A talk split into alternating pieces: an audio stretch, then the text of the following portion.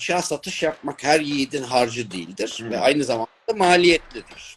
elinde iyi bir kağıt var ise Hı e, ve düşüyorsa aldığın fiyatın altına o zaman ortalama maliyetini düşürme yani o kağıda inanıyorsan o kağıt iyi bir kağıtsa ortalama maliyet düşürmek için almaya devam et daha. Bu konuda doğru. ne düşünüyorsun? Çok iyi soru. Yine iki kategoride farklı cevapları var. Çıkan hisse satılmaz, düşen hisse alınmaz. Bu konuda görüşün nedir? Bence buradaki anahtar kelime oyun planı. Yatırımcı veya işlemci pozisyona girerken bu planı yapmıyor. Geçen gün Türkiye'nin en çok e, getiri sağlayan fonunun sahibiyle yani şirketin sahibiyle beraber Hı hı. Dedim ki nasıl dolar bazında yüzde on yedi kazandırmış 3 yıl arka arkaya. Dedim bunu nasıl başarıyorsun dedi. Evet. Short dedi. Short dedi. Short. Yani short dedi yani. Short yani. E, başka bir bu paraları kazanamazsın dedi. Yani biraz açıklar mısın bu short ve en son aynı şey Warren Buffett dedi. Yani borsada maksimum para kazanmanın tek yolu short olmak. Yani bir kağıtta nasıl çalışıyor mekanizma orada? Bu short sistemi nasıl çalışıyor? Ben- yani elinde olmayan şeyi mi Bu satıyorsun? kadar her şeyde. Çünkü e, bir kere short, e, ilk önce mekanizmasını Lütfen. anlatalım bilmeyen. Ha, iyi olur. Evet. E, açığa satıştan bahsediyorlar Evet, anladığım. Aynen. Evet. Evet. yani sizin elinizde olmayan bir enstrümanı, finansal bir enstrümanı ben sattım diye ilan ediyorsunuz. Fiyatı düştüğünde geri alarak o şeyi kapatıyorsunuz. Doğru, öyle. Aradaki fark size yazıyor. Ama siz nasıl oluyor da elinizde olmayan bir şey satıyorsunuz? Bu hisse senetleri piyasasında e, aracı kurumun portföyünde olan ve kanunlar çerçevesinde açığa satılabilecek kağıtları e, ödünç alıyormuş gibi onu açığa satış yapıyorsunuz ve düşerse de geri alıyorsunuz. Bu bir. E, vadeli işlem piyasalarında zaten böyle bir mekanizma var. Burada ödünç alma e, te- şeyi yok. Orada bir teminat vererek yani ben onu yerine koyacağım diyerek bir nevi e, onu açığa satabiliyorsunuz. Yani çift taraflı piyasalar var burada. Bunlar da genellikle organize piyasalar veya işte forex platformları veya CFD platformlarında e, yapılıyor. Ya düşüşlerden de faydalanabileceğimiz bir mekanizma e, yaratılmış burada. Ama e, şeyin işlemcinin ve yatırımcının artık bunları ikisini beraber koy, e, kullanıyorum. İnsanların şunun farkına varması lazım. Herhangi bir finansal enstrümanın fiyatının yukarı potansiyeli sonsuzdur. Aşağı potansiyeli sıfırdır. E, dolayısıyla e, açığa satış yapmak her yiğidin harcı değildir Hı. ve aynı zamanda maliyetlidir Doğru. Bu mekanizmayı hem çok iyi anlaması hem de maliyetleri iyi anlaması lazım. Şimdi 3 sene üst üste böyle güzel bir getiri vermiş bir e, portföy e, yöneticisinin e, bariz ki profesyonel ve bu mekanizmayı gayet iyi biliyor. Ama yani şimdi biz 8 milyon e, BIST yatırımcısından bahsediyoruz. E, Büyük bir çoğunluğunun portföy e, büyüklüğünün e, ortalaması 2500 lira ve o insanlar bu mekanizmayı o kadar iyi bilmiyorlar. Yani bu burada bunu konuşurken aman koşun short demeyelim diye bunu söylüyorum. Yani biraz da portföyün büyüklüğüyle alakalı değil mi? Yani bu, bu tip yani bu kadar bunu yapabilmek için biraz da portföyün büyük olması gerekiyor. Şey kaldıraç konusunu konuşmadık. Ee, şimdi orada herhalde o portföy yöneticisi yani sadece shortlamaktan değil aynı zamanda da kaldıraç kullanarak short Doğru. yapıyordur. Yani o e, ben 100 kişiden bir kişi shortlasın derken bir de üstüne kaldıracı koyduğunuzda o 100 kişiden 0.1 kişi shortlasın diyorum şu anda yani. Hmm. Anladım. Peki şey nasıl mesela yani iyi bir kağıt elinde diyor ki elinde iyi bir kağıt var ise e, ve düşüyorsa aldığın fiyatın altına o zaman ortalama maliyetini düşürme yani o kağıda inanıyorsan o kağıt iyi bir kağıtsa Çok ortalama maliyet düşürmek için almaya devam et daha aşağıdan. Bu doğru. ne düşünüyorsun? Çok iyi soru. Ee, yine iki kategoride farklı cevapları var.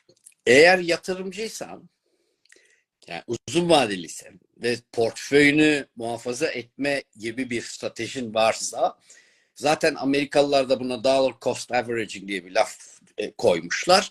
Ee, e, finansal oku yazarlık seviyene göre sen hem konjonktürün hem ekonominin hem o sektörün hem o sektörde faaliyet gösteren şirketin sağlam ve iyi olduğuna inanıyorsan yatırımcı şapkası altında evet bunu yapabilirsin.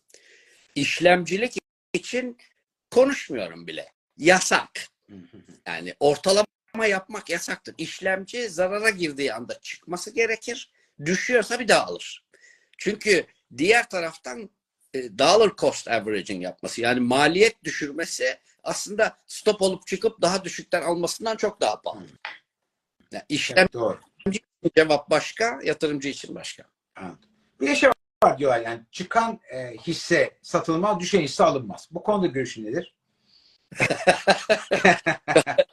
Keşke öyle olsaydı. Ee, tabii ki düştüğü bir yerlerden almamız ve çıktığı bir yerlerden satmamız lazım. Ee, bunların hepsi baştan yapılan bir oyun planıyla olur Taner.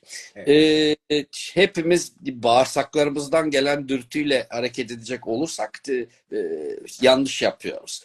Baştan şunu bir hedef olarak koyduysan kendine yatırımcının şuraya düşerse ben alırım diye bir hedef koyduysa düşerken alınır. Niye alınmasın? Çünkü düşük bir yerlerden yakalanması gerekiyor. Ama bunun e, karşılığında da o plan sadece buradan alırımla bitmemesi lazım. Yani daha fazla düşerse ne yapacağını yazması lazım.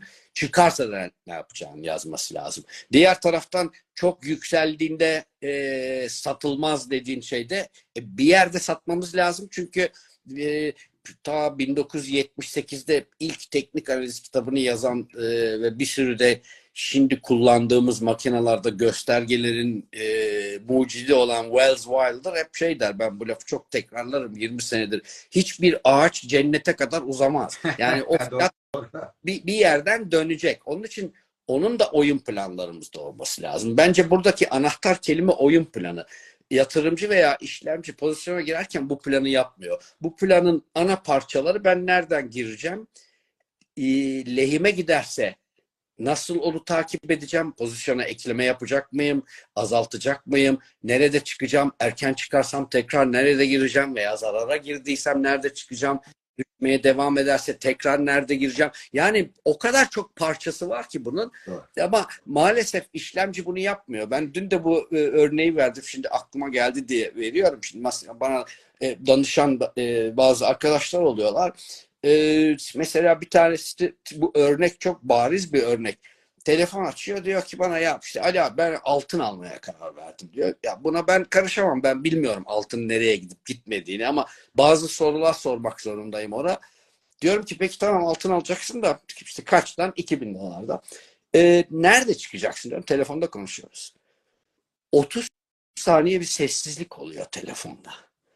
e, o, hem o soru hoşuna gitmiyor. Çünkü cevaplamak istemiyor. işin heyecanını bozduğu için. Hem de o 30 saniye sessizlik bana diyor ki o cevabı kendisine de vermemiş. E bu durumda da şöyle bir durum ortaya çıkıyor. Siz nereye gideceğinizi bilmiyorsanız oraya nasıl varacaksınız? Doğru.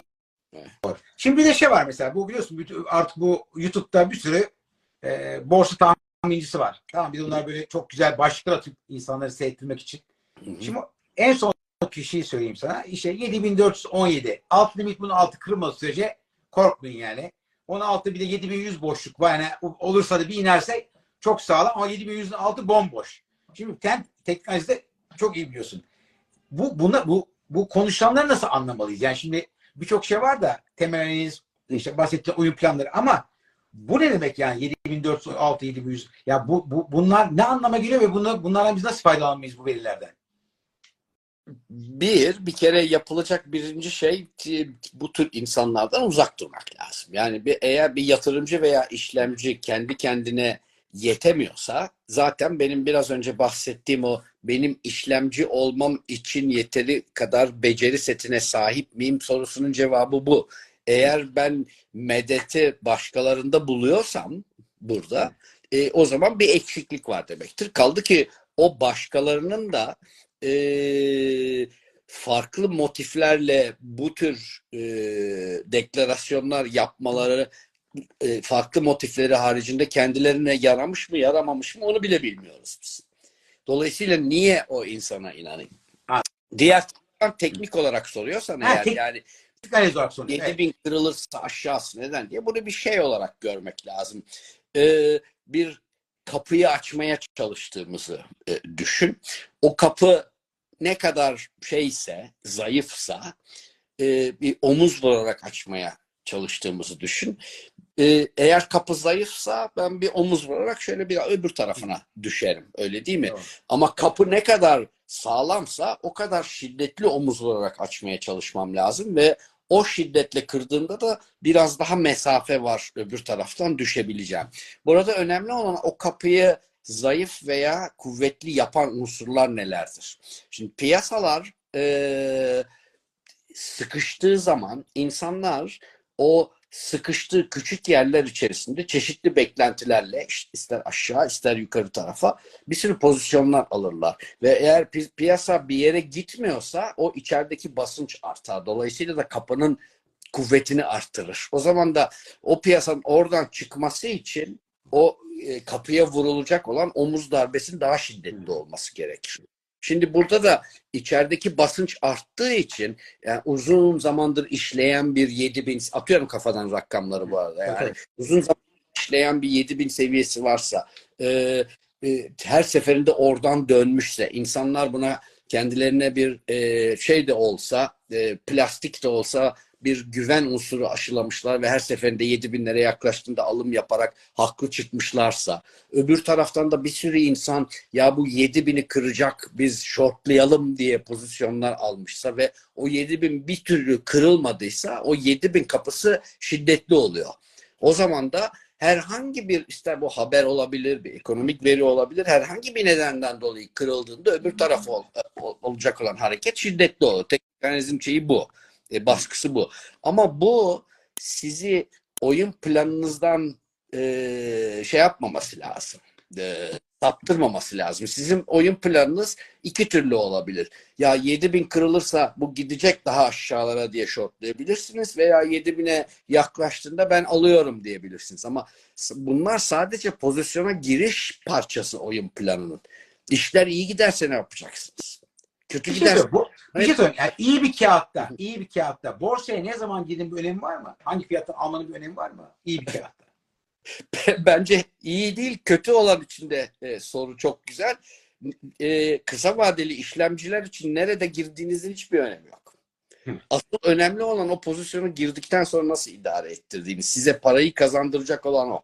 Yani Vadeli girmem, girmemizden daha çok girdikten sonra ne yaptığımız önemli diyorsun. Doğru, doğru mu anlıyorum ben? öyle. Burada zaten e, çoğu çoğunluk yatırımcının para işlemcinin para kaybetmesinin ana nedeni bütün vaktini ve enerjisini pozisyona nerede ve nasıl gireceği üzerine Çok harcıyor olması. Aslında o harcanan 10 birimlik vaktin ve enerjinin e, 9,9'u o pozisyonu nasıl girdikten sonra idare edeceğiniz olması E, lazım. işte çoğu insan da orada sahipsiz kalıyor. Yani girerken dediğin gibi müthiş bir enerji ama Evet. girdikten sonra da hiçbir planı yok. Evet. Hani bu ticarette şey vardır ya e, ticarette alımdan kazanılır denen bir laf vardır. Burada da tam tersi. Ya siz nereden girerseniz girin. Sizin başarınızı bundan sonra ne yapacağınız belirleyecek.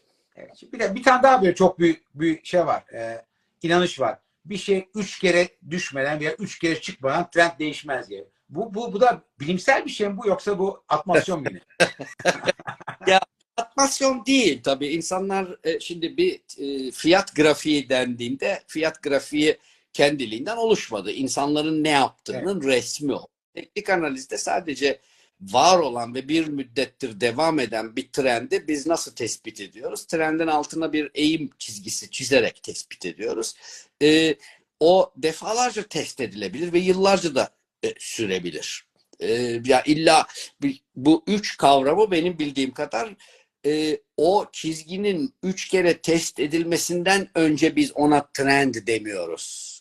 Ama trend kendini e, şey yaptıktan sonra, oluşturduktan sonra o defalarca test edilebilir. Orada üç diye bir limit yok. Anladım. Bu arada MT Kare sağ olsun. Devam bir şeyler yazıyor tabii ben onu e, hepsine cevap veremiyorum. Fakat şöyle bir so- soru sormuş. Yani panik atak, sabırsız bir insan borsadan uzak mı durmalı demiş. Kesin. Bence borsadan değil, sokaktan da uzak durmasın. evet. Şey bile borsa bir de başka şey var. Borsaya dolar bazına bakma. Yani bir de şöyle bir inanış var. Dolar çok artarsa borsa ucuz kaldı. Hadi tekrar borsaya gelin. Yani bu dolarla dolarla borsa arasında e, arasındaki e, e, şey nedir? Arada bağ var mı öyle bir şey? Bakmalı mıyız buna? var bu sorunun. Şimdi farklı şekillerde yorumlayabiliriz. Bir, bir kere e, e, dolar bazlı bakmak bu- bundan belki 5-6 sene öncesine kadar biraz daha mantıklıydı. Çünkü e, yabancı yatırımcının payı çok büyüktü. E, o zaman da onun düşünce tarzını anlamak için elbette dolar bazlı bakmak daha iyiydi. E, şu anda oradan uzaklaştık. Yani o pay bir hayli düştü. E, dolar şu açıdan önem kazandı. Ya, e, bizim piyasalarımız e, uzun yıllardır yani 4-5 senedir rasyonellikten çok uzaklaştığı için e, deklare edilen enflasyon, politika faizi ve devalüasyon üçü arasında uçurumlar oluştu. Yani etkin işleyen bir ekonomide bunların hepsinin paralel olması Evet. lazım. Onun için şimdi bazı şeylere dolarla bakıp aynı zamanda Türk lirasıyla da bakıp aynı zamanda da enflasyon e, da uyarlı olarak bakmak lazım. Yani şimdi e, anlatabildim mi? E, şimdi normalde sizin e, enflasyonunuzla devalüasyonunuz birbirine çok yakın olması lazım. Çünkü devalüasyon dediğiniz şey eninde sonunda bir kur. Öyle değil mi? E, ben TL ve Amerika'yı konuşuyorsam o kuru belirleyen şey şudur. Benim enflasyonum 50 ise Amerika'nınki 5 ise ideal bir dünyada teorik, teorik olarak benim param yılda yüzde 45 değer yitirecek demektir. Ee, biz bunu enflasyonla şey arasında e, paralelliği görüyoruz Türkiye'de. E, devalüasyonla enflasyon arasındaki paralelliği görüyoruz ama e, doğru dürüst bir hesap yapmak için hangi enflasyonu alacağımızı bilmiyoruz. Yani TÜİK'in alalım, Enag'ın kimi alalım, İTO'nunkini mi alalım? Bunda üç tane birbirinden sapan veriler var. Öbür taraftan faiz oranları tamamen absürt, uzak. Hmm. O ilişkiyi kuramıyoruz. Normalde e, enflasyon oranıyla değil e, bir forward kurunu siz faiz oranlarıyla Amerika'nın faizi 5, benimki 30. Bu ne, ne demektir? Ben size eğer bir forward kuru vereceksem bir sene sonra e, yüzde 25 e, değersiz olarak vermem gerekir. Yani Çok te- teori doğru. belli. Kitap öyle yazıyor. Yani. Şey- Şeyi merak ediyorum. Bu diğer Türk borsasındaki çoğu hisse senedi için ucuz olduğu söyleniyor. Yani hiçbir için gerçek değerini bulmadığını yani bu şirketlerin yani satılma değeri çok düşük oldu. O, ama o- biz öyle bunu- bakmalı mıyız? söylüyoruz Türkiye'de. Yani Evet. şu lafı kaç defa duyduk biz Türkiye'de? Bu sadece son yılların Yok. lafı değil. 20 yıldır duyuyorum Ya- ben. 20 yıldır. Sandalyesini satsam bu kadar eder. Heh, heh, aynen. Ben doğduğumdan beri bunu dinliyorum. Doğru, doğru. Şimdi bir de şey var. Bir soru gelmiş. Diyor ki büyük fonlarda işlemcilik yapmak mantıklı mı? Soruyu anlamadım. Büyük, Büyük fonlar. fonlarda işlemcilik yapmak yani herhalde sen diyorsun işlemci tarif ettin ya. Ha, Bunu kağıt bazına değil de fon bazına yapmak mantıklı mı diyor. İşlemcilik işlemciliktir. O beceri setiniz ve disiplininiz varsa Yani tabii fon alıp satmak. Yani kağıt alıp satmak yerine fon alıp satmak. öyle anladım ben de. Evet. Fark etmez. Fon da benim için bir finansal bir enstrüman. Yani ha dolar, ha Ereğli, ha bir fon. Evet. Tabii ki yapılabilir. Yeter ki siz kendinizi ikna ettiniz mi? Ben işlemciyim, piştim, var bende bu beceriler. Şimdi bir de bu al-sat algoritmaları var ya onu da çok kullananlar var. Bu da borsa yani bu da borsayı bazen terse düşürebiliyor. Onu tavsiye ediyor musun bu algoritmaları kullanmayı?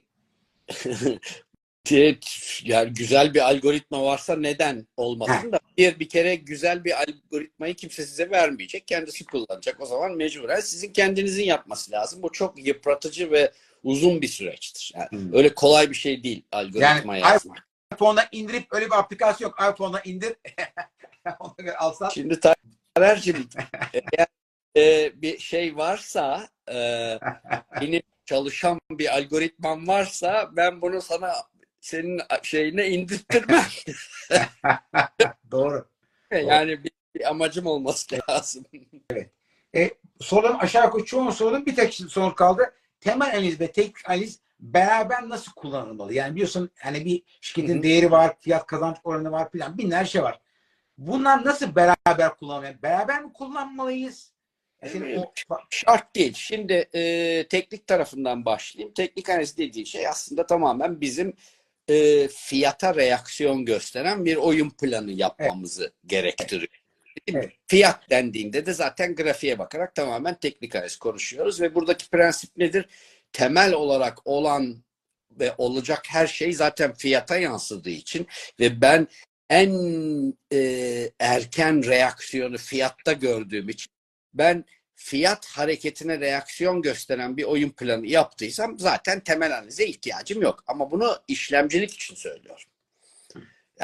Yatırım için grafiğe bile bakmanıza gerek yok. Eğer doğru dürüst bir yatırımcıysanız. Doğru bir Ama- kağıt alıyorsan değil mi? Doğru bir kağıt alıyorsan. E, uzun vadeli alıyorsunuz. Uzun vadeli. Ee, diğer taraftan bir başka bir e, açıdan da gireyim. Ee, eğer siz sadece temel veya sadece teknik veya bir hem temel hem teknik verilere bakarak bir pozisyon alıyorsanız unutmayın ki pozisyona girme kısmını yani güruhla bahse girme kısmını yapıyorsun. Hı. Gerisi nerede? Yine oyun planına geliyoruz burada. Evet çok güzel. Hı hı. E, Ali ağzına sağlık. Benim e, Planı için son sorum senin. Eğitime gelmesi lazım arkadaşlar. İşte ancak e, en son sorum da onunla ilgili aslında. Eğitim, eğitimlere gidenler çok mutlular. Bu eğitimler ne öğretiyorsun? Kimler bu eğitimlere katılmalı? oyun planı ve insanların yatırımcı olarak, işlemci olarak kendilerini nasıl kontrol edeceklerini hem psikolojik olarak hem de o oyun planını çünkü oyun planı o kadar çetrefilli ki böyle bin bir türlü senaryo var orada piyasalarda olabilecek. Hemen hemen herkes katılabilir. Seviye hiç önemli değil. Çünkü herkesi aynı seviyeye indiriyoruz. Orada öyle başlıyoruz ondan sonra. Ee, yani kripto trader'ından tut e, emtiyacısına, uzun vadelicisinden tut e, kısa vadelicisine ama ya ben çok uzun vadeli yatırımcıyım, fiyata da bakmam, 100 sene oturacağım falan diyorsanız zaten böyle bir eğitime ihtiyacınız yok.